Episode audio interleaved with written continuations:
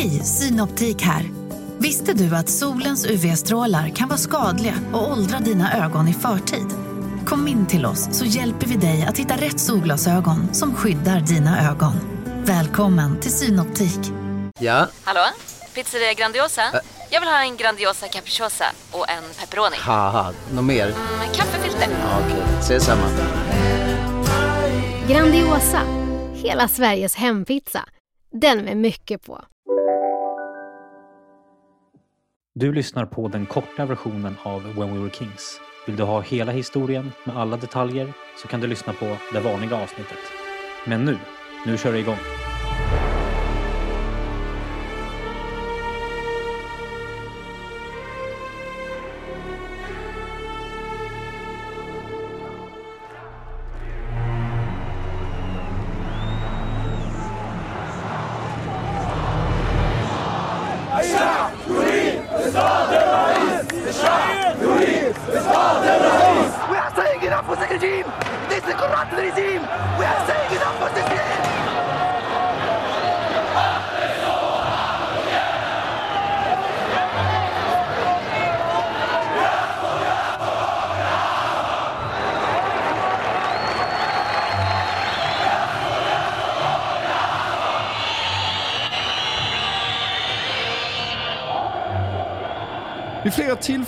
I When We Are Kings har vi visat hur viktig fotbollen kan vara politiskt för ett land och dess ledare. Rätt använd kan den vara guld värd för en politisk ledare att sola sig i glansen av. Ni minns säkert avsnitten om Kamerun, Togo eller Anshi Machatskala där mer eller mindre tveksamma ledare tagit hjälp av fotbollen för att lugna folket. Men fotbollen och fansen kan också vara tvärtom. Ett livsfarligt vapen mot den politiska ledningen. Där fans tar våldet de lärt sig på läktarna till gatorna och utmanar de styrande på ett sätt som gör dem farliga. Och om det händer, om våldsamma ledare känner sig hotade av fotbollen och dess fans, vad händer med fotbollen då? Ja, i just det här fallet som vi ska prata om så kulminerade ju faktiskt allt med det värsta massmordet i fotbollens historia. För den 1 februari 2012 så mördades 74 människor på en fotbollsarena i Port Said, Egypten.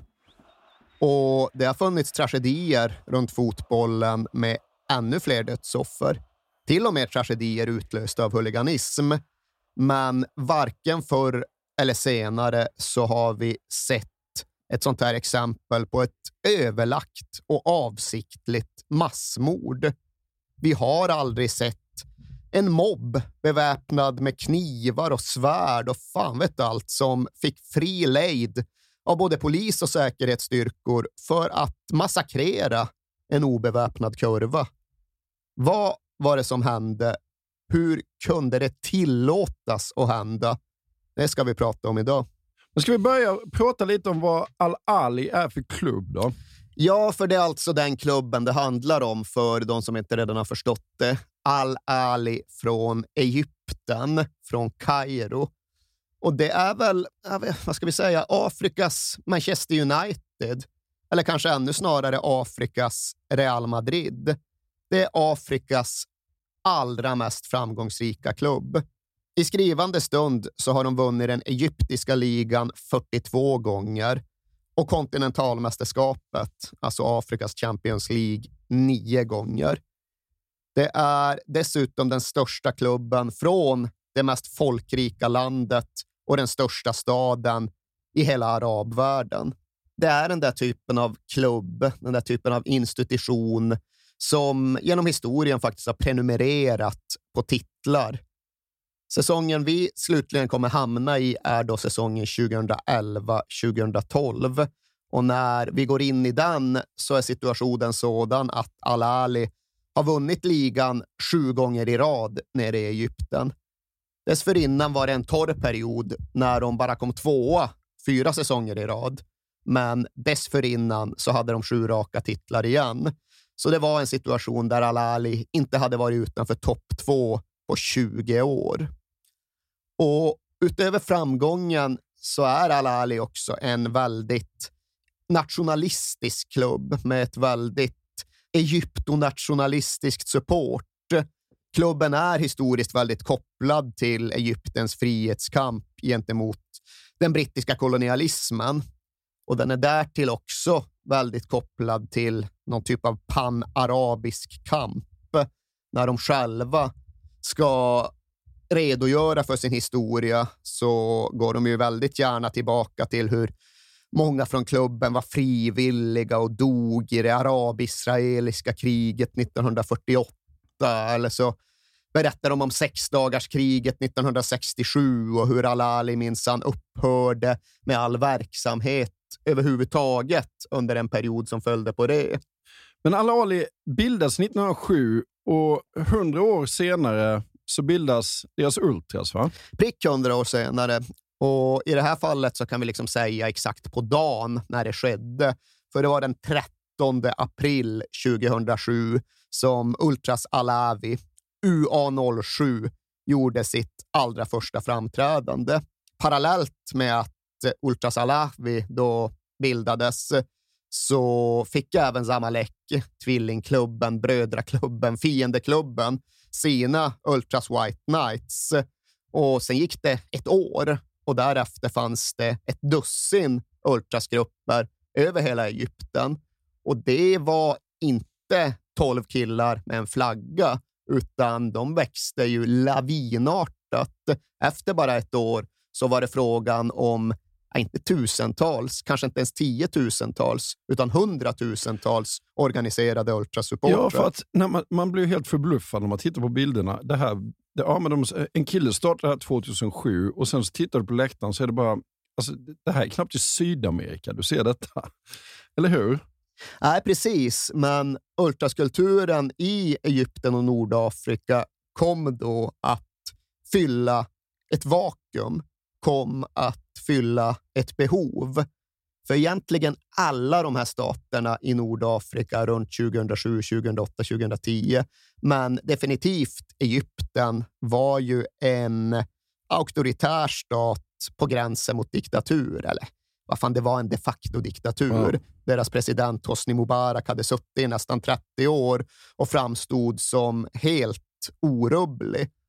Och ska man med europeiska mått mätt förstå sig på den egyptiska staten så är väl det närmsta vi kommer en östeuropeisk stat under Sovjettiden, fast med ett ännu större och tydligare militärt anslag.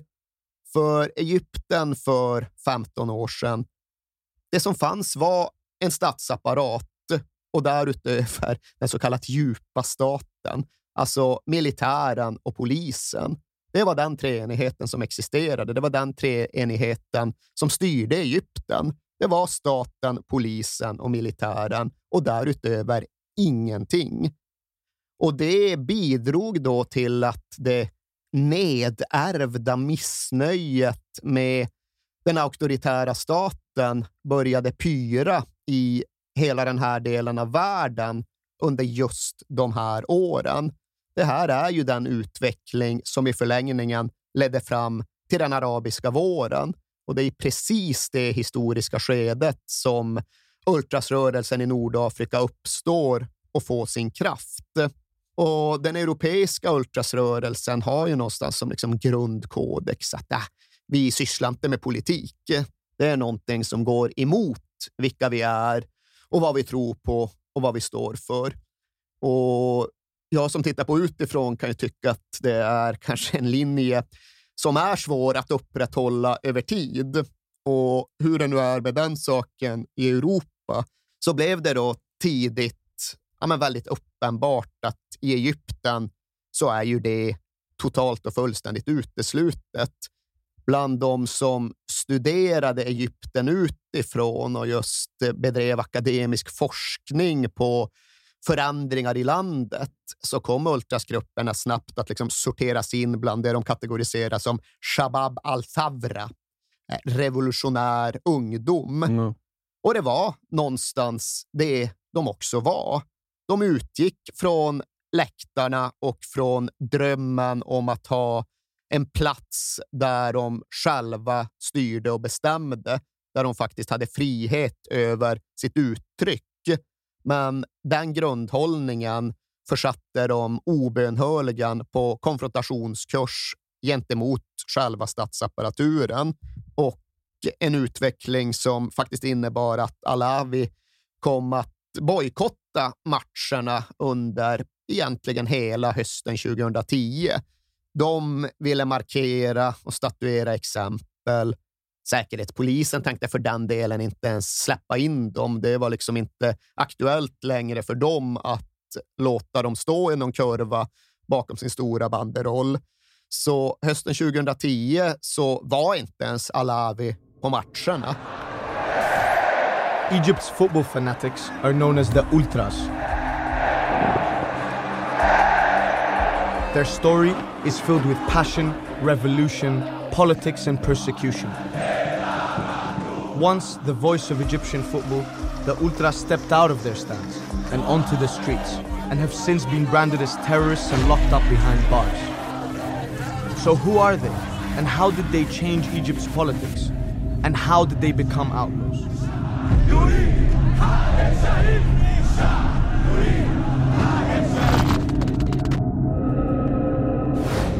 We have such a mentality uh, that uh, differs us from uh, the ordinary fans. Um, a mentality that can that can only be found among the ultras. Uh, a mentality that um, is stronger than uh, any repression, uh, stadium bans, uh, sentences, or even or even death. I december 2010 i Tunisien så händer ju en grej som får väldigt stora konsekvenser. Ja, som får världen att förändras. Det är ju den här grönsaksförsäljaren som väljer att elda upp sig själv och på så sätt bli den utlösande faktorn som i förlängningen leder till hela den så kallade arabiska våren. Och tittar jag tillbaks över min egen livstid så är väl det den näst mest omfattande politiska förändringen som överhuvudtaget inträffat. Sovjetunionens sönderfall var väl ännu mer betydelsefullt. Men sen är det ju den arabiska våren som verkligen har förändrat världen på ett omfattande och genomgripande och än idag pågående sätt. Och den inleds då i december 2010 och det är i den kontexten som Alali spelar sin fotboll och Ultras Alavi försöker hitta sin plats och slåss för sin frihet. För den 23 januari 2011 så återvänder Ultras Alavi till fotbollsläktaren. Och det gör de ju inte för att det har bedrivits eh, samtal med den egyptiska säkerhetspolisen på ett sätt som mynnat ut i ett eh, samförstånd alla parter emellan, utan de bestämmer sig helt enkelt för att det är dags att återvända. Och det spelade ingen roll att polisen hade förbjudit dem att komma, förbjudit dem att ta med sig sina banderoller till matcherna, utan de tågar till matchen mot Al-Makassa i samlad tropp bakom sin stora banderoll och de tar sig in i sin kurva. Och det tänker då inte polisen tillåta, utan de ska återigen upp på läktaren och de ska beslagta den här stora gruppbanderollen. Och det går ju så som alla kan tänka sig att det går. Det blir återigen ett slag, en stor konfrontation, jättemånga gripna, jättemånga skadade. Men allt det här sker då mot en ny typ av backdrop, en ny typ av bakgrund. För borta i Tunisien är då redan den så kallade jasminrevolutionen fullbordad. Det som ingen trodde skulle kunna hända har nu skett på bara några veckor. Diktatorn Ben Ali har gått från oantastlig till störtad. Han är kastad av sin makttron av folket, av gatorna. Och i Egypten så är det ju ingen som har missat den utvecklingen eller för den delen missat att dra paralleller. Och när Säkerhetspolisen nu går mot kurvan, när de kommer med sitt pansar och sina batonger så finns det väl nästan en uppgivenhet inför att ja, ja visst, det här slaget förlorar vi också, men vänta bara och se hur det kommer gå med hela det stora kriget. För samtidigt som det rycks i banderoller och grips ultras så skanderar inte bara hela kurvan utan en stor del av arenan Tunis, Tunis mot säkerhetsstyrkorna. Huvudstaden i Tunisien. Vänta bara. Ni såg vad som hände där. Vänta bara så ska ni se vad som kan hända här också.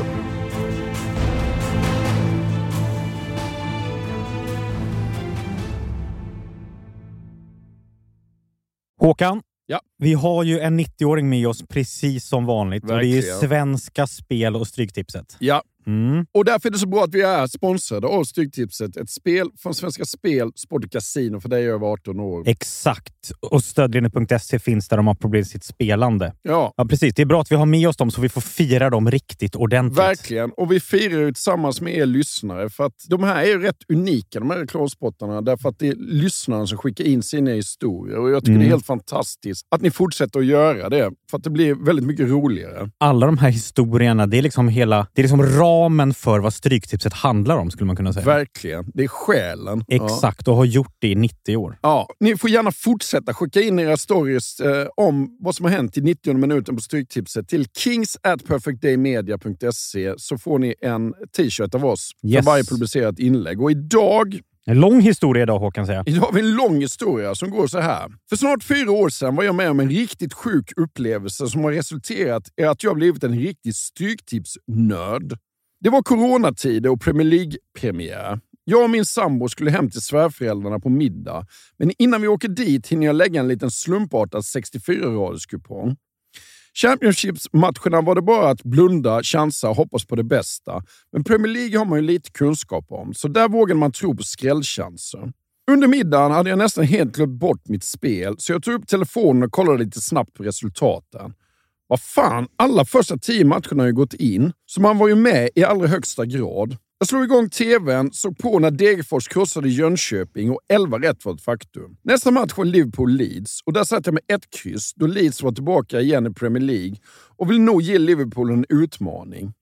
Liverpool tog ledningen tidigt i matchen, men visade verkligen att de var tillbaka igen efter nästan 20 år från fotbollens finrum. De lyckades kvittera kort efter Liverpools ledningsmål och det skulle visa sig bli en riktig jojo-match. 2-1, 2-2, 3-2, 3-3. Fram till 90 minuten stod det 3-3. Jag har 12 rätt och utdelningen är 20 000. Men Leeds nyförvärv Rodrigo Moreno får då Mm. för sig att ta bollen med handen efter Liverpool-hörna och dömer då straff till äckliga Liverpool. Ja, Oj! ja. Ja, ja. Självklart gör Salah 4-3 från 11 meter och vinstsumman var nu på 5 000 kronor på 12 rätt.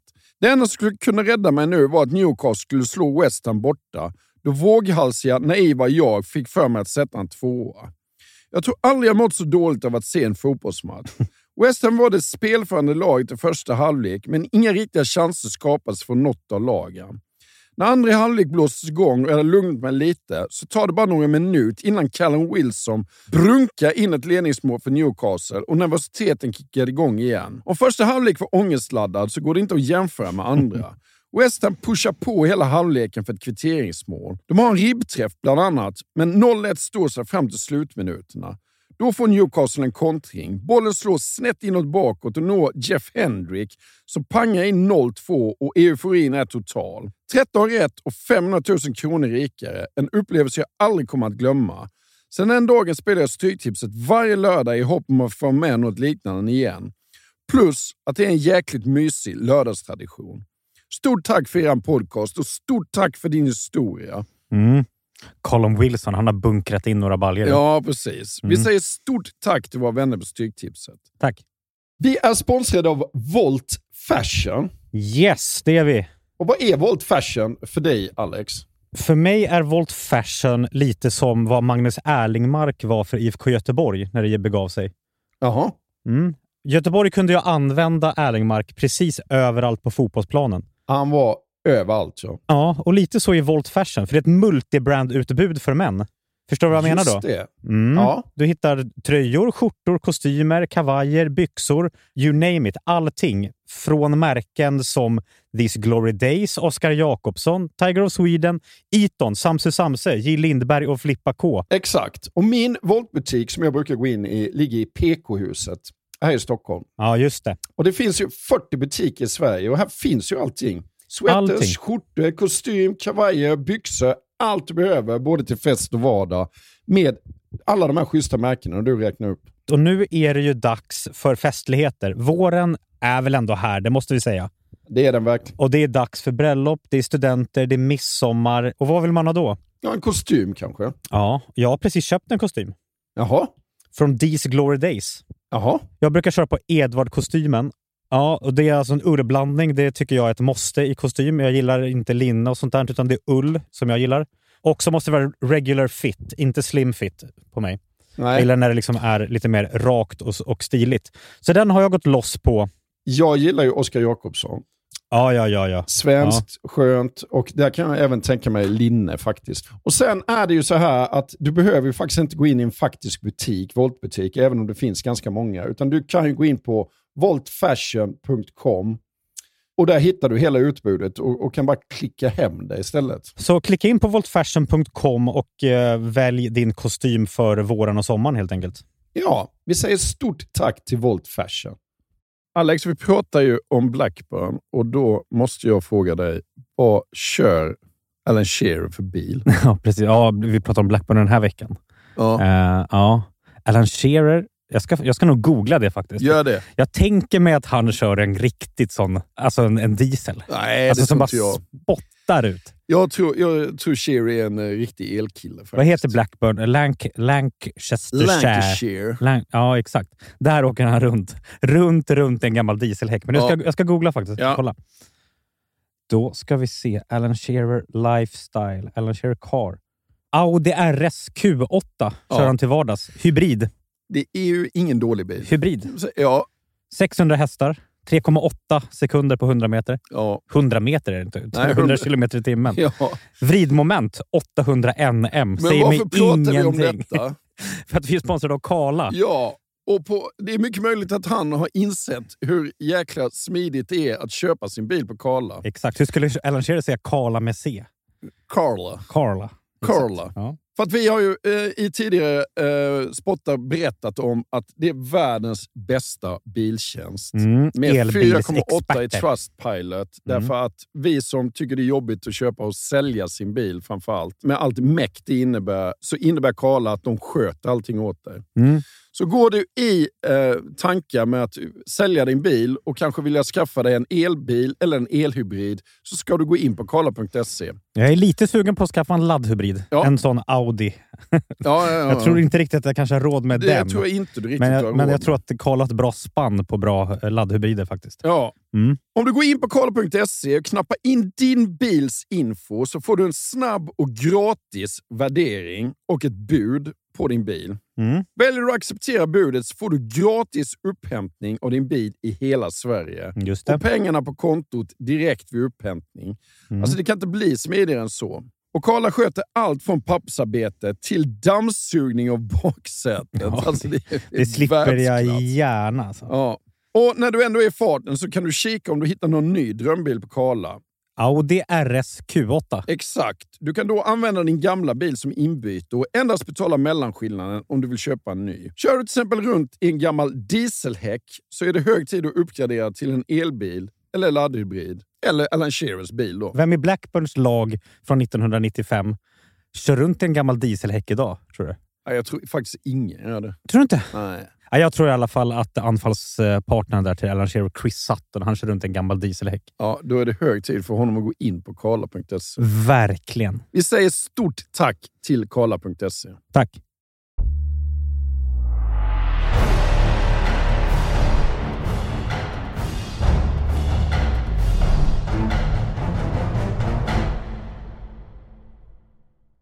Två dagar senare så brakade det loss rejält, i alla fall i Kairo. Ja, det är ju då den egyptiska revolutionen inleds.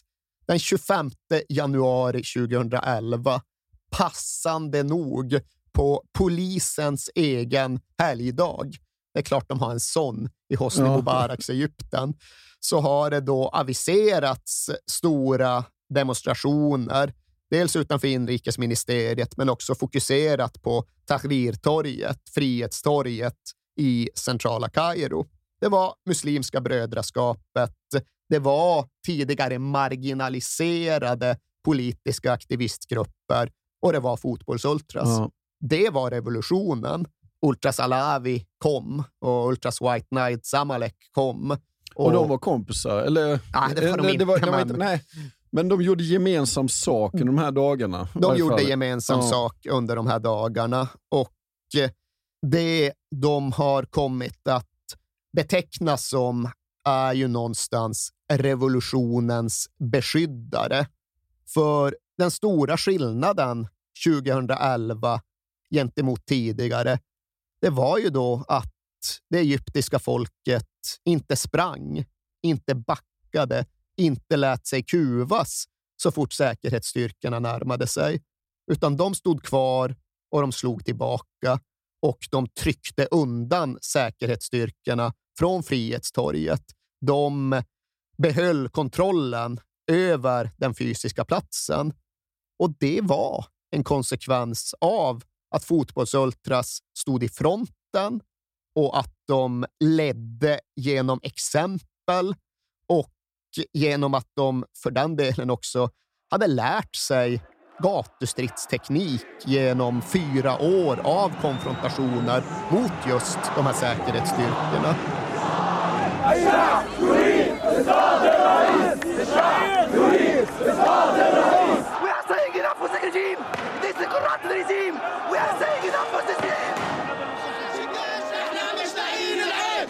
January the 25th, 2011, the Arab Spring spreads to Egypt with a day of rage.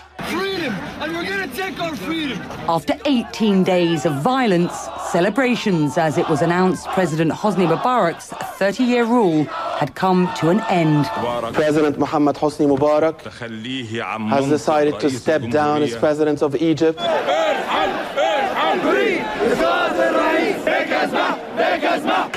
The military assumed control of the country, and Egyptians began to vote on their future. Det var ju inte direkt några demokratiska frihetshjältar som tog över styret av Egypten direkt efter revolutionen. Det som hände var väl rätt och slätt att Mubarak föll och drog några av sina hejdukar med sig. Men styret och strukturerna blev kvar. Men på andra sidan revolutionen så skulle då fotbollen startas om och det skedde i april 2011. Och typiskt nog så var Al-Alis första match mot en klubb som heter Al-Shorta. Och det är bokstavligt talat polisklubben. Det är polismyndighetens Ja. klubb. Och det gav ju hela tillfället en ganska stor symbolisk kraft. Och det var i triumferande stämning i kurvan. Det var väldigt mycket snack om att knulla Hosni Mubaraks mamma och skandera mot den gamla inrikesministern Habib al-Adli som tidigare hade varit chef för Polismyndigheten. Även om det här då var ligans själva omstart den 13 april 2011 så hade redan fotbollen i Egypten hunnit hamna i ett helt nytt läge. För veckan innan ligan startades om så hade Zamalek spelat i afrikanska Champions League. De hade mött Club Afrikain från Tunisien och det hade inte gått något vidare som fotbollsarrangemang betraktat. För Zamalek hade fått ett ledningsmål bortdömt för offside och det hade lett till ett jävla upplopp och en jävla massa kravaller. Det var planstormningar, det var bortaspelare som blev attackerade med Har du sett bilderna bengaler. från det? Ja, jo. Nej, men eh, alltså, när man tittar på det, det är helt otroligt. Det De står med helt- käppar och slår spelarna. Ja. Det, ja. Och eh, det här är ju någonting som Ultras White Knights får skulden för. Och eh, den politiska analysen eller den politiska argumentationen från det egyptiska interimstyret var ju den att ja, kolla nu hur det går. Okej, okay, de lyckades med sin revolution och de lyckades få makten över fotbollsarenorna där det nu är de som bestämmer och säkerhetsstyrkorna som är kuvade. Men då slutar det så här.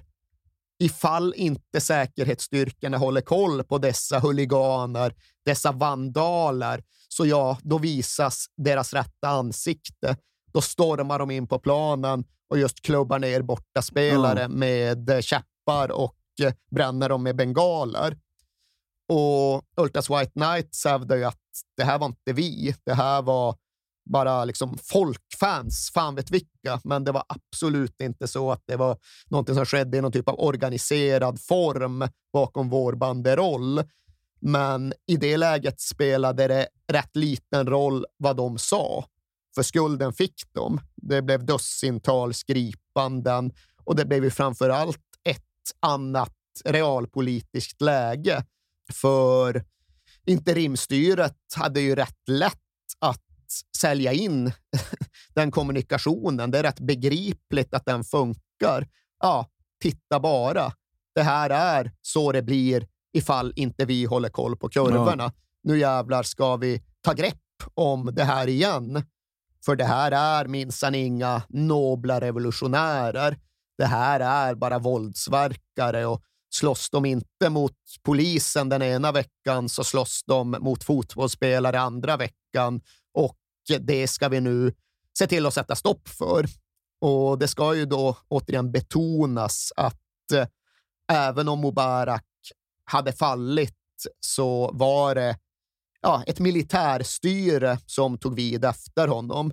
Det skulle formellt sett, officiellt sett vara någon typ av interimlösning. De ska hålla lite koll ja. tills Egypten demokratiseras i fria val. Men riktigt så kom det då inte att bli.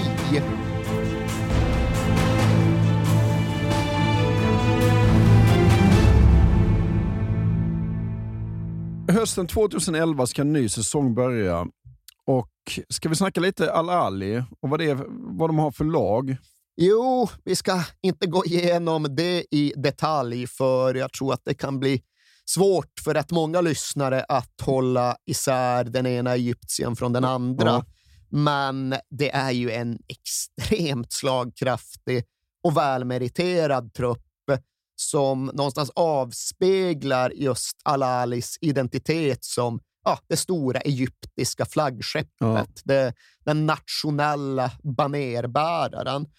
För kollar du på truppen så är det, det är 20 egyptiska landslagsmän mm. och så är det en bonusbrasse och en senegales, men de spelade knappt, utan det är egentligen bara egyptier, bara egyptiska landslagsmän som spelar och bidrar. Sen har de och för sig en portugisisk coach, gamle Manuel José, som inte kunde slita sig från Ali. Han är tillbaks i klubben för en tredje vända. Han har varit där och studsat ett par gånger tidigare. Men det är liksom det stora utländska inslaget. Sen är det egyptier, för kaptenen för detta Alali, han hette Hossam Ghali. Och där är jag väl inte ensam om att ha en relation till den mittfältaren. För grabben var ju i The Mighty Tottenham Hotspur säsongen 2006-2007. Men han hade ju då bevisligen Premier League-erfarenhet och det var han inte ensam om utöver Hussam Ghali så hade de Ahmed Fati som hade varit i Sheffield United och Mohamed Shavki som hade varit i Middlesbrough.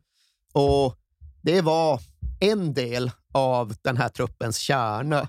Spelarna som hade varit i Europa, som hade varit i Premier League. Men det var ändå inte den viktigaste gruppen.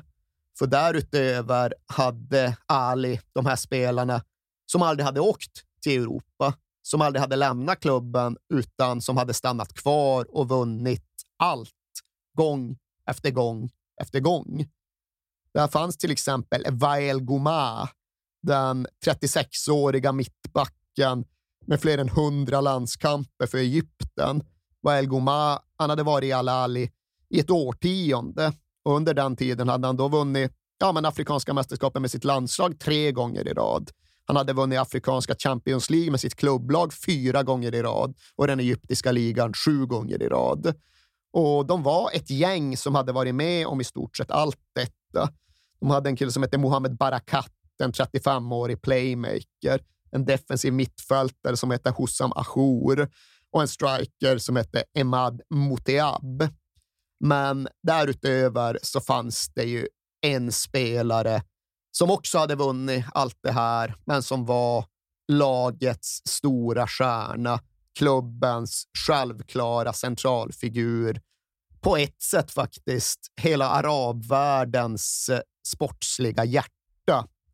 Och då pratar jag ju givetvis om Mohammed Abu Treika, Amir Al-Kulub, hjärtats prins. Well, they have the lead. Everything seems to stand still there. But Abutrika has rolled the ball beneath the goalkeeper Masuda. And Ali have the lead back again. It was a clever little ball played over the top. And Abutrika, who scored more goals than in matches he's played for Al Ali, has given the Egyptians the lead again. Okej, okay, det var stjärnan och det här var truppen. Hur går det i ligan då? I år och fotbollsmässigt går det som väntat. Ali hade som sagt avslutat den föregående säsongen med 16 raka utan förlust. De inleder säsongen 2011-2012 med 16 raka utan förlust. Men även om tanken någonstans kanske var att normaliteten och vardagen skulle återvända till Egypten så blev det ju snabbt uppenbart att det var inte i den riktningen som allting var på väg. Mubarak var störtad, men strukturerna fanns kvar och det folkliga missnöjet försvann inte, utan det flammade upp och växte igen. Under hela hösten 2011 så fortsatte det vara oroligt i Egypten och under hela hösten 2011 så fortsatte fotbollsfolket att gå i täten för protesterna. För den 21 december 2011 så blev ytterligare en demonstrant ihjälskjuten och den här gången var demonstranten en av ledarna inom Ultra Salavi, en välkänd prominent figur som hette Mohammed Mustafa. Karika Mustafa. Och han var inte bara en av ledarna inom Ultra Salavi, utan det var en överklasskille som hade varit med i tennislandslaget, som tävlingssimmade för Al-Ali. Ingenjörsstudent, va? Ja, var det det han också ja. var? Ja, han, han, han var mycket. Ja. Han var välkänd, han var omtyckt och hans död kom att eh, sätta stora spår och skapa djupa sår. Och det är någonstans också ett tecken på ja, vad som komma skall. På någon form av slutpunkt som på ett sätt framstår som ganska oundviklig i efterhand.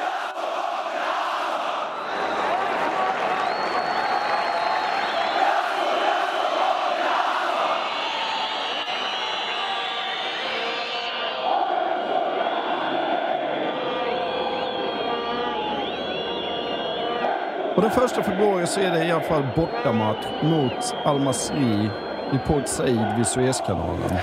Och första februari blir ju en kolsvart dag i hela fotbollsvärlden. Ja, en av de absolut värsta vi har haft. Och eh, det är rättvist att säga att det någonstans hängde våld i luften inför den här matchen.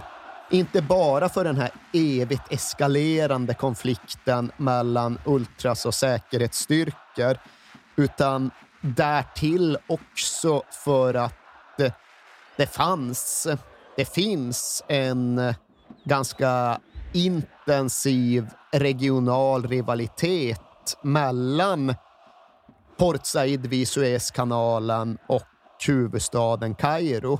Men det här var ju ingen vanlig match då. Och eh, ja, det finns många olika vittnesmål och många olika saker, men ett som har fastnat är det från Alalis portugisiske tränare, då Manuel José, som berättar att fan, det som slog honom när ja, de skulle försöka spela den här matchen, när det började stormas planer och kastas grejer, var hur han kikade upp mot hemmakurvan, den värsta läktaren, och såg en banderoll på engelska för ovanlighetens skull. We are going to kill you all. Mm. Och ja, Vissa banderoller betyder ingenting. Vissa banderoller betyder någonting annat i efterhand jämfört med hur de uppfattades när man först såg dem. Och för Manuel José har ju det intrycket kommit tillbaka. Så there was a bad moon rising och det intrycket förstärktes bara mer och mer ju närmare matchen vi kom.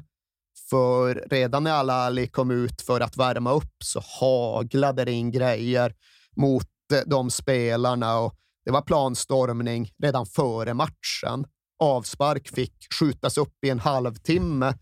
Eftersom... Planstormning före matchen? Planstormning före matchen. Det välde in folk från hemmasektionerna och ja, de behövde rensa planen. De behövde liksom få tillbaka lite lugn och ett tag var det osäkert ifall det ens skulle bli någon match, mm. men det blev det eh, en halvtimme försenat. För det som sedan händer, det är ju då att ja, slutsignalen till sist i alla fall går. Al-Masri har besegrat Al-Ahli med 3-1 och kvällens sjätte planstormning eh, påbörjas då. Och det här är ju då en planstormning som inte ska avbrytas utan som ska övergå i någonting helt annat. Det här är inte en planstormning som sker som konsekvens av att lite fotbollsfans vill fira en hemmaseger, utan det här är då början på en massaker. För det som händer är då att hundratals, ja, tusentals människor från hemmasektionerna drar ner från läktarna till planen men de stannar ju inte där. De stannar inte på planen för att jubla, utan de fortsätter ju mot Ali-kurvan med tillhyggen i händerna och de tillåts ju göra det. Den polis och de säkerhetsstyrkor som finns på plats på arenan gör ju ingenting för att hindra dem, stoppa dem, tvinga dem tillbaka upp på läktarna utan de kliver åt sidan. De har absolut knivar, många av dem. De har till och med svärd. De har klubbor med spikar i. De har elpistoler. Och när de väl når fram till Ali-kurvan, ohindrade, så är det inte ett huliganslagsmål som inleds, utan det är en lynchning. Det är ett massmord. Och det är ju vittnesmål som är så jävla fruktansvärda att de är extremt svåra att ta in.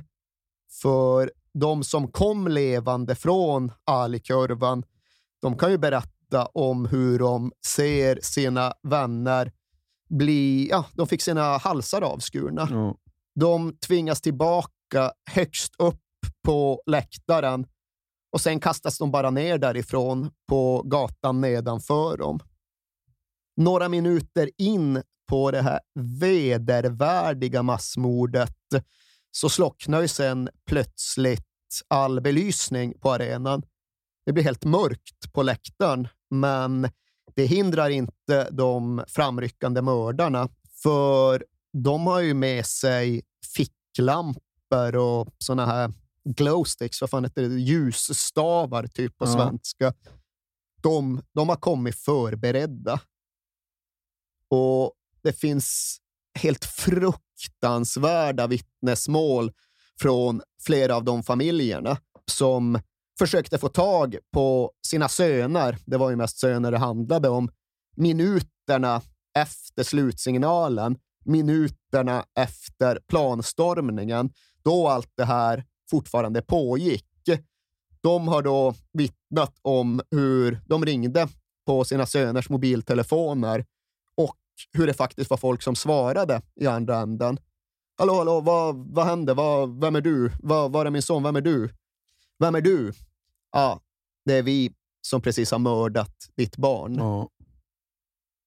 Och Det där är också en bild som blir så hemskt talande i dubbel bemärkelse.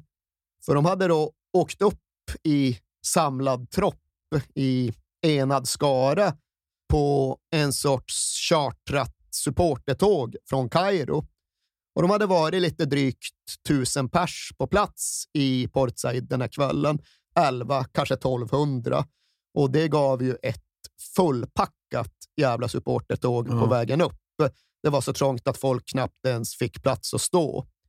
Och på vägen tillbaka, samma supportertåg, väldigt, väldigt glest. Ja. Väldigt, väldigt många tomma platser. För det var ju då inte bara de som dog som saknades. Det var inte bara de som dog som hade utsatts för grovt jävla våld eller som hade varit i den där tunneln och klämts och halvt kvävts, utan av de här 11-1200 som hade åkt upp så var det kanske hälften som kom tillbaka den där kvällen. Resten hade antingen dött eller blivit så allvarligt skadade att de behövde sjukhusvård. Ja, när röken har skingrat sig, då, vad, vad var det som hade hänt då? Det vet vi ju uppriktigt sagt inte fullt ut än idag. Men det vi vet är ju att 74 människor miste livet runt den där fotbollsmatchen i Port Said. It is considered one of the most fatal incidents in football history. 74 people were killed, and more than 500 were injured after thousands of spectators stormed the stadium and violently attacked Al Ahli fans using knives, swords, clubs, stones, bottles, and explosive fireworks as weapons. Despite the presence of police and army officers in the stadium, the violence took over. The Said massacre, we still don't really know what exactly happened uh, or who did it, but it did look like it was something that was planned. Uh, it's not clear who planned it or why they planned it. That's all speculation. But what we do know is there were thugs from outside the Port Said, that there were people who uh, came to the stadium in the second half who weren't actually watching the game, uh, and then they went up to the uh, Ahly fans uh, at the end of the game. And as we know, over 70 people uh, were killed in that in that incident. Och hur var det i klubben då, Al-Ali?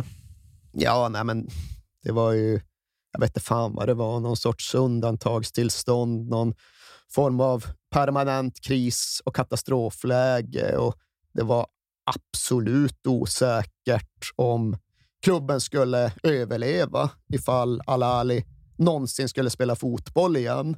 För flera av huvudpersonerna förklarade ju att de tänkte i alla fall inte göra det.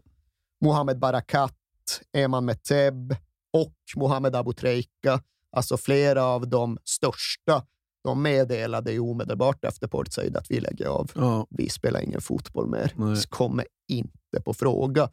Och sen försvann de. Framförallt då Mohamed Abu Treika som ju väldigt många ville ha tag på, men inte lyckades nå. För ja, han hade väl en jävla massa olika telefoner som folk på hans nivå har. Men den där vanliga fotbollstelefonen där klubbföreträdare och klubbfunktionärer och media brukade höra av sig, den var avstängd i flera veckor. Mm. Vart fan var Abu Treika? Jo, han åkte runt i Egypten och i Kairo för att eh, besöka så många drabbade familjer och gå på så många olika begravningar som han någonsin hade möjlighet till. Lite som ja, Kenny Dalglish Exakt, som vi pratade om i anslutning till Hillsborough-avsnittet. Men var inte Apoteka, var, var han inte hos alla 72 i princip? Jag vet inte om han lyckades Ja. få ihop det. Jag har bara hört ja, så många som han någonsin mäktade med. Det han sen gjorde var att en månad någonting efter tragedin så var det då tydligen mors dag. Och just den dagen gjorde han en poäng av att bjuda in alla från de påverkade familjerna till sitt hem. För jag vet inte fan vad de gjorde. De hade någon form av ja, men, gemensam sorgevaka, sorgestund. Och det var ju hur många som helst som kom. Han hade så 300 gäster Ja. hemma hos sig. Bara sorgplågade anhöriga. Och han gjorde ju det oerhört tydligt var hans sympatier låg, vilken sida han stod på. För det gjordes kontaktförsök från styret, från interimregimen, även den här gången.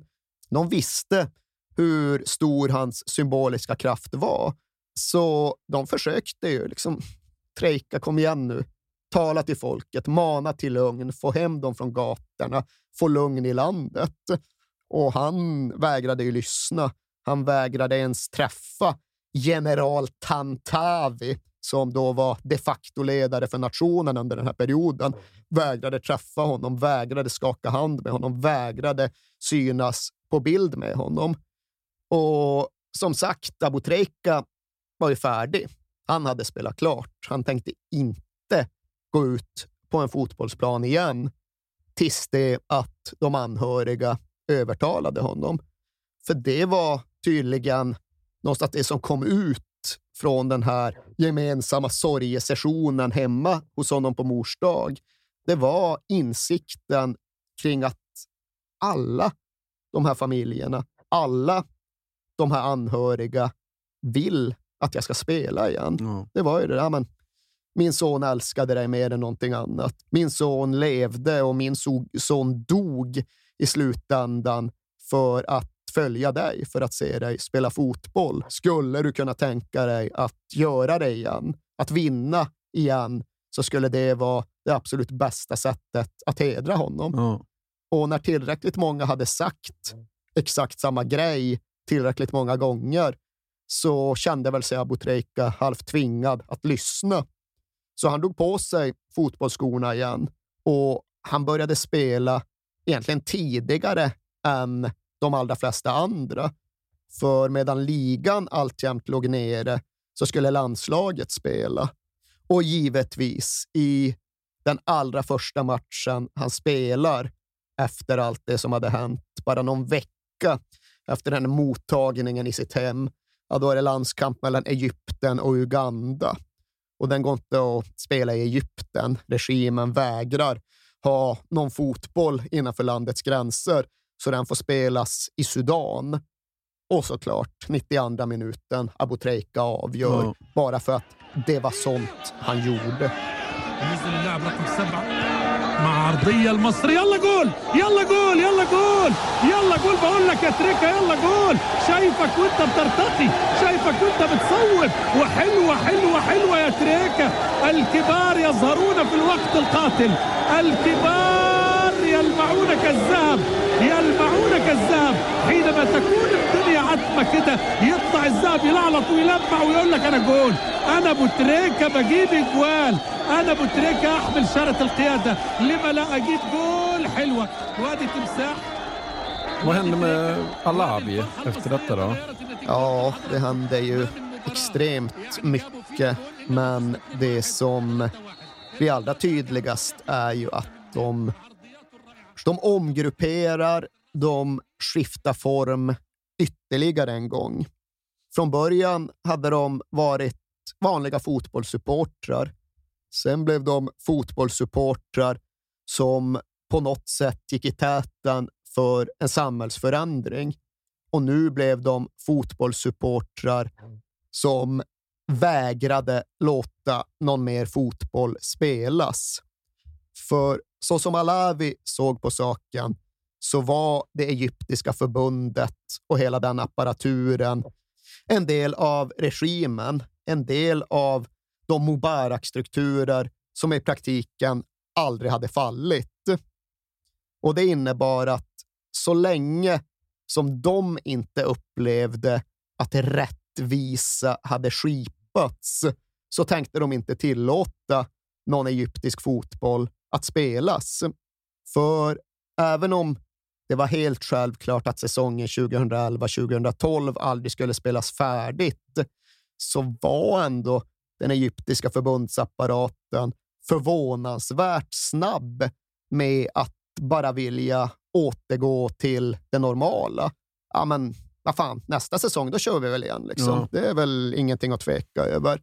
Medan Alavi då menar att det blir ingen nästa säsong. Det blir ingen säsong alls. Det blir ingen fotboll överhuvudtaget innan vi har fått vår rättvisa, vår upprättelse, vår förklaring. Och det här blev deras nästa stora konflikt och konfrontation. Kriget mot deras egen sport och faktiskt även deras egen klubb. För när alla runt om tyckte att det var dags att spela fotboll igen så skulle säsongen inledas med då den egyptiska supercupfinalen där Al-Ali skulle spela. Och ultrasrörelsen kunde ju inte begripa att klubben verkade gå med på det. Ja, vi ska spela. Alla spelarna, visst, vi, vi kör. Och de var helt förstummade inför detta faktum. De kunde inte begripa hur deras egen klubb kunde resonera och agera på det sättet, med ett undantag. Givetvis Mohamed Abutreika vägrade spela. Ja. Al-Ali spelade Supercupfinalen. Abutreika gjorde det inte. Som konsekvens blev han avstängd av den egna klubben i flera månader, fråntagen kaptensbindeln, men om möjligt ännu mer förgudligad i supporterled. Men ja, den där supercupfinalen den blir faktiskt spelad utan Abutreika och därefter så ska ligan börja igen. Men ja, nu meddelar ju Ultras Alavi genom olika kommunikéer att det blir inte aktuellt. Nej. Försöker ni spela den här ligapremiären så kommer vi storma. De satte ligapremiärens datum till 17 september.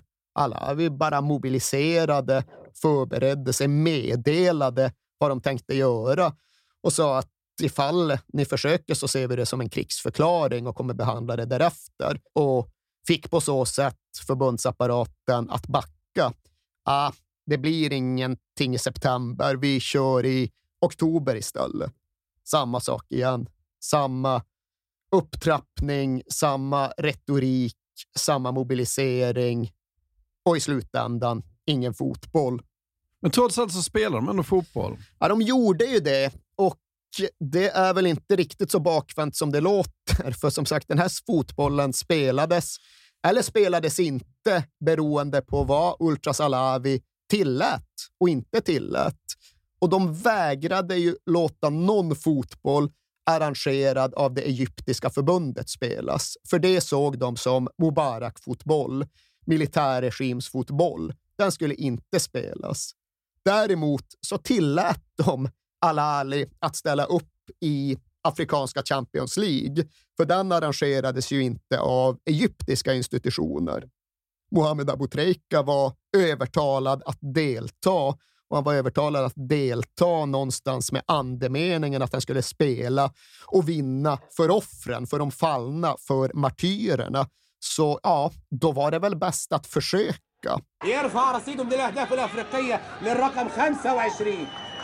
يلا يا تريكا تريكا تريكا وثلاث دقايق وبإذن الله الجون جاي إن شاء الله دي معوض. وادي العرضية لتريكا تريكا متعب متعب متعب. جول الله أكبر. قلنا الله حي التاني جاي وش السعد يا تريكا اغني لك يا ابني قول زي ما انت عايز تقول حقك يا ابني حقك يا تريكا Det är alltså 2-0 till, totalt till malierna. Al-Ali behöver göra tre raka för att vända på steken och då finns det såklart bara en sak att göra. Då är det bara att kalla på Mohamed Aboutrika. Ja. Som av någon jäkla anledning har inlett den här matchen på bänken. Jag vet faktiskt inte riktigt varför. Men jag vet ju vad som händer när han kommer in i andra halvlek. Han gör ett rappt, lätt, enkelt och rätt avgörande litet hattrick. Ja. Men det är klart att det är, det är en prövningarnas tid för ett fotbollslag. Manuel José, den portugisiska coachen, han bestämmer sig, trots sina band till både klubb och nation, att det fan får räcka i det här läget. Visst, det var väl kul att vi gick vidare i Champions League, men citat, ingen bryr sig om fotboll i Egypten. Alla pratar bara om politik. Ja. Slutcitat. Det går inte. Det blir ingen liga. Det är kaos. Det är inbördeskrig på gång. Det, all jävla tänkbar skit. Så han lämnar. Men Ali kämpar på. Och i och med segern mot den här klubben från Mali så går de in i gruppspelet och lottas såklart in i det som sportsligt sett benämns som dödens grupp. Ja. Mäktiga TP Mazembe från Kongo, som vi borde återvända till Ja, någon det gång. måste vi göra. Berekum Chelsea från Ghana och därtill, av alla jävla motståndare, Zamalek från Ja. Kairo. Men det blir faktiskt ändå förhållandevis odramatiskt. De här matcherna mot Zamalek som brukar vara så jäkla uppumpade att halva den afrikanska kontinenten stannar när de spelas, ja, de passerar ju i tysthet den här gången. Nu sitter vi visserligen och pratar i en tid då vi är vana vid tomma läktare och spökmatcher, men när de här Kairo-derbyna spelas inför tomma läktare, för det är inte tal om något annat, så blir det en väldig kontrast mot vad de är vana vid i Egypten. Så det känns med deras egna ord ganska liksom betydelselöst, innehållslöst. Blir inga riktiga derbyn, ingen riktig fotboll och Al-Ali kan ta sig förbi de matcherna och hela gruppspelet ganska enkelt. Och rent sportsligt försvåras sen uppgiften för Al-Ali av faktumet att Mohamed Aboutrika då är avstängd. Det här är under perioden då klubben har stängt av honom eftersom att han vägrade spela. Ja, just det. Så det innebär att det blir jämnare och tuffare än det annars hade blivit. Men Al-Ali vinner i alla fall med 1-0, slår ut Sunshine Stars och avancerar till final i Afrikanska Champions League. Och där möter de Esperance Sportive de Tunis, va? Jajamensan. Ja. Du tar hela klubbnamnet. Och det blir en jämn jävla match som egentligen inte alls kantrar i egyptisk riktning, utan om något är väl Esperance bättre. De tar ledningen, de leder ända in i slutminuten och det är först i 88 som Ali kvitterar och på så sätt tar med sig ett 1-1 resultat till finalreturen i Tunisien. Men där går det bättre för Ali. Det gör det. Det gör det. De vinner matchen och de gör det med rätt god kontroll, men de gör det mitt i ett enormt jäkla känslosvall. Det är ingen överdrift, utan det är bara ett konstaterande av faktum att säga att de spelade bokstavligt talat med tårar i ögonen. De gjorde 1-0 strax före paus och sen ska kapten Hossam Ghali stå i omklädningsrummet under pausvilan och liksom med tårarna forsande ner för ansiktet bara liksom prata om en sista kraftansträngning, en sista uppoffring för martyrerna från Port Said. Och det är ju otroligt rent sportsligt, eller ja, hur man än mäter, att de lyckas genomföra det här som de ändå gör. Att de under ett år, då de inte spelar någon fotboll, det enda de gör är att hoppa in i den här Champions League-turneringen så här varannan månad, mitt i ett pågående totalkaos runt dem själva, runt klubben, runt hela nationen, ändå på något sätt lyckas samla sig och kanalisera allt till kontinentens bästa fotboll. För ja, de går ut i andra halvlek. De gör 2-0 efter en timme och säkrar ju i praktiken därmed titeln. Och därefter är det flera av spelarna som berättar om hur de liksom kör den sista halvtimmen med tårarna rinnande. Abu Treika en av dem. Han bara, "Nej, men jag, jag grät majoriteten av den här sista halvtimmen. Och Esperance reducerar, men de behöver ju två till och det är aldrig nära. Och till sist får Ali en straff i 90 Abu Treika ska bara gå fram och sätta den vackrast tänkbara jävla pricken över det här i-et, men för egentligen enda gången i karriären. Han kan ha missat någon till, men det var inte många. För Mm. Det var ytterst sällsynt att han missade en straff, men den här gången gjorde han det. Det var väl för mycket känslor, för många tårar, för mycket som skulle rymmas i en enda straffspark för att han skulle slå den väl. Men det kvittade ju. Al-Ali vann Afrikas Champions League och även om det är en bisak i den här historien så är det ju en remarkabel jäkla bisak. En av de mest osannolika triumfer som jag kan påminna mig om. För det måste ju verkligen hamras fast det här att det här är ändå Afrikas Champions League. Ja. Det är ingen liten turnering. Det är inga små motståndarklubbar. Det är inte lätt att vinna den här bucklan, men de lyckas trots att de under hela turneringens gång befinner sig mitt i ett enda jättekaos som aldrig verkar ta slut. باش يطلق الصافرة خلاص بعد هذه الكرة الأخيرة كرة ترجع للنادي الأهلي في الدفاع في وسط ميدانه وفي ذات اللحظة رسميا يزفر الحكم الحكم بوشعيب الأحرس نهاية المباراة بتفوق النادي الأهلي الذي يتوج ببطولة افريقيا هو جمهور الترجي الرياضي التونسي وجمهور تونس بيصفق على الاهلي المصري اللي استحق انتصاره حقيقة مبروك للأشقاء المصريين مبروك للنادي الأهلي حظ أوفر للترجي التونسي Den 1 februari 2013 så är det då årsdagen och det ramas in av en jättelik minnesceremoni runt Al-Ali. Och där har ju nu ändå vreden lagt sig tillräckligt mycket för att Ultras Alavi faktiskt ska sanktionera, ge sin tillåtelse att ligan ska startas upp igen dagen därpå, alltså den 2 februari 2013.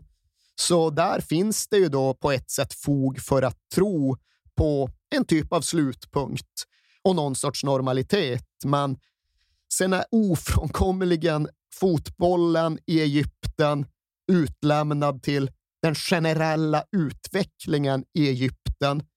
Och det var inte så att president Morsi och hans administration lyckades få kontroll på läget för att de utfärdade utegångsförbud i anslutning till några fotbollskravaller, utan det gick ju ett halvår och sen var han och hans regim störtad av militären som återigen går in och bara tar makten. Ja. Och nu är det liksom nu är det inga svepskäl längre. Nu är det ingen slöja för deras avsikter och ambitioner, utan nu förkunnar de ju mer eller mindre att nej, nu är det slut på kaoset. Nu är det järnhand. Mm. Och fältmarskalk El Sisi, som med tiden utropas som ny president, han, ja, han går inte särskilt varsamt och försiktigt fram utan han utlyser undantagstillstånd, han upplöser parlamentet, han river upp konstitutionen. Nu är det hårda jävla handskar. Och det är klart att allt det här som vi har pratat om under det här avsnittet, det är ju hemskt och upprörande och tragiskt som bara satan, för det är dussintals som dör här och hundratals som dör där, men det bleknar ju faktiskt ändå i ljuset av hur general El-Sisi och hans nya militärregim ja, behandlar det muslimska brödraskap som han då tar makten ifrån. För det är klart, Muslimska brödraskapet, de tyckte väl det var trist att bli störtade från makten, mm. så de protesterar ju också. De sätter upp sitt protestläger och de håller i vecka efter vecka.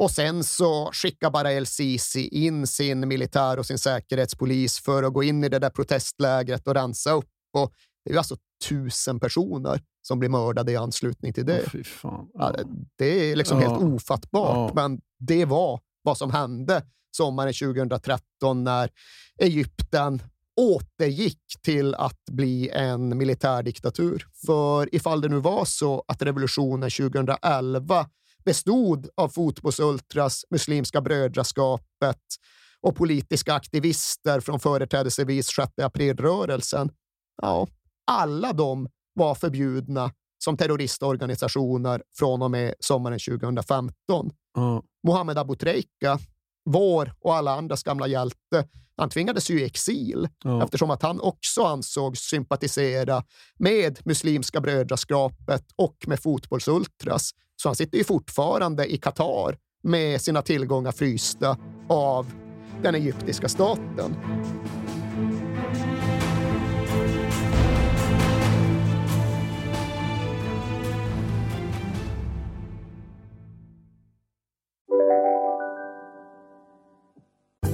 Hej, Synoptik här. Visste du att solens UV-strålar kan vara skadliga och åldra dina ögon i förtid? Kom in till oss så hjälper vi dig att hitta rätt solglasögon som skyddar dina ögon. Välkommen till Synoptik. Välkommen till Telenor röstbrevlåda. Hej lilla gumman. Det är pappa. Mamma sa att du hade ringt. Ring mig igen. Jag är hemma nu. Puss puss.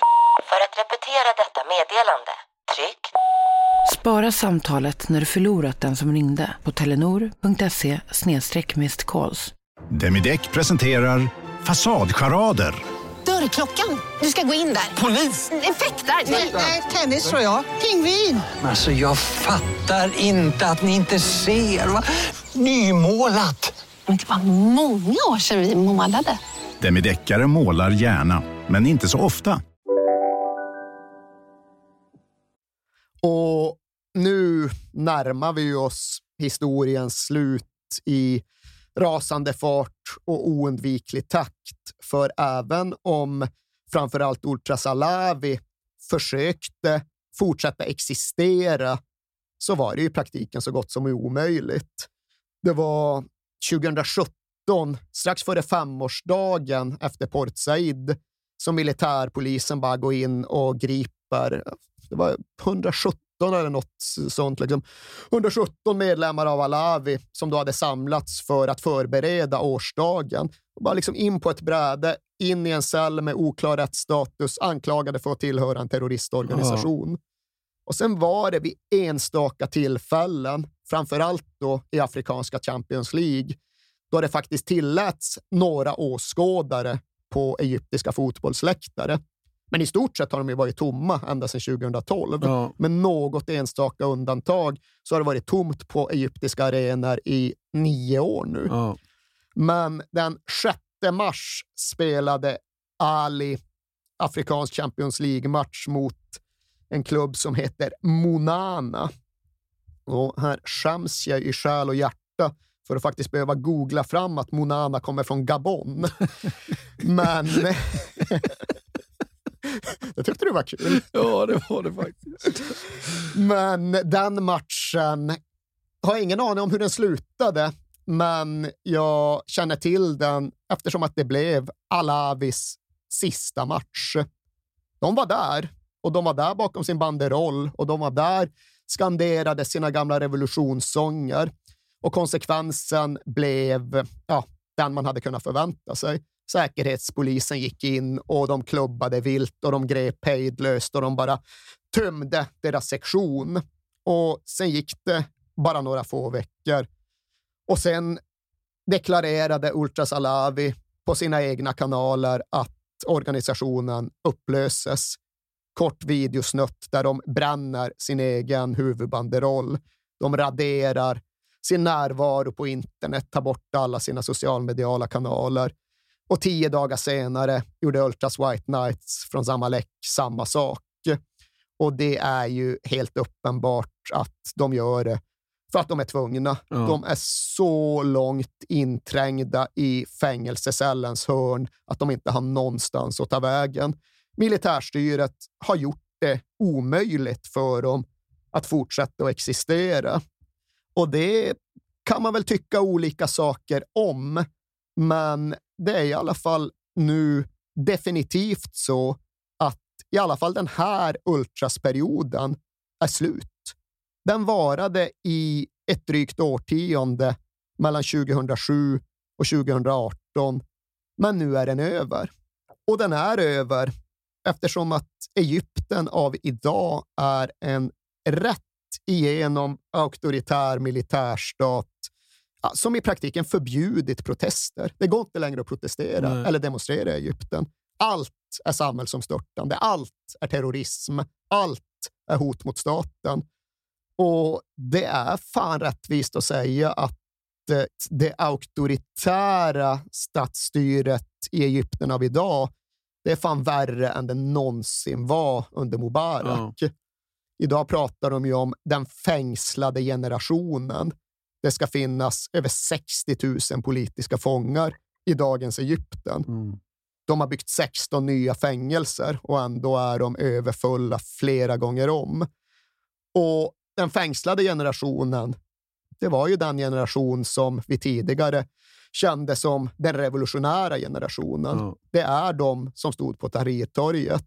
Det är folk från Muslimska brödraskapet, det är de politiska aktivisterna och det är fotbollsultras. Och det är svårt att utvärdera den arabiska våren. Det är svårt att säga exakt vilka vägar som exakt vilka människor borde ha slagit in på i exakt vilken tid. Och det, det egyptiska styret och för den delen absolut många egyptier på gatorna säger, det är ju att ja visst, kanske är lite barskt läge nu för de oppositionella, men vi är i alla fall inte Syrien. Vi är inte Libyen. Och det är där vi hade hamnat ifall inte militären hade gått in med järnhand. Då hade allt bara fallit isär och fragmentiserats och till sist hade vi stått där med vårt eget inbördeskrig. Mm. Och jag har ingen aning om huruvida det är giltigt eller inte. Men oavsett vilket så tycker jag att vi och alla andra har rätt att titta på dagens Egypten med en jävla sorg. För det är klart att det inte var så här det skulle Nej. bli. Det var inte hit revolutionen och drömmarna om framtiden och friheten skulle ta oss. Men det var här vi hamnade med en hel generation fängslad och med fotbollsultras förbjudna. Och ultrasperioden i Egypten var kort, men jäklar i mig vad betydelsefull den trots allt ändå var. För när vi pratar om läktarkultur och dess betydelse och dess mening så hamnar vi väl ofta i de här resonemangen om hur den ändå kan ge sammanhang och samhörighet där sånt annars saknas. Och det gäller väl här också. Men det den egyptiska ultrasrörelsen främst gjorde under ett flämtande årtionde, det var ju att den faktiskt gav en bild av, en tro på ett annat Egypten, en annan framtid, en annan frihet.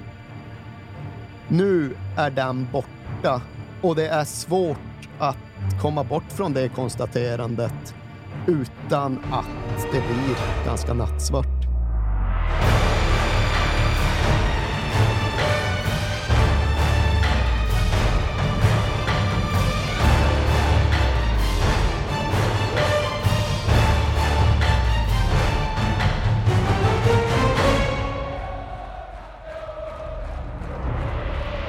Du har hört When We Were Kings om Al-Ali 2011-2012. Eh, fortsätt gärna mejla oss på kingsatperfectdaymedia.se och följ oss hemskt gärna på Instagram på www.kpodcast. Vi hörs igen nästa vecka. Hej då! Den här podcasten är producerad av Perfect Day Media.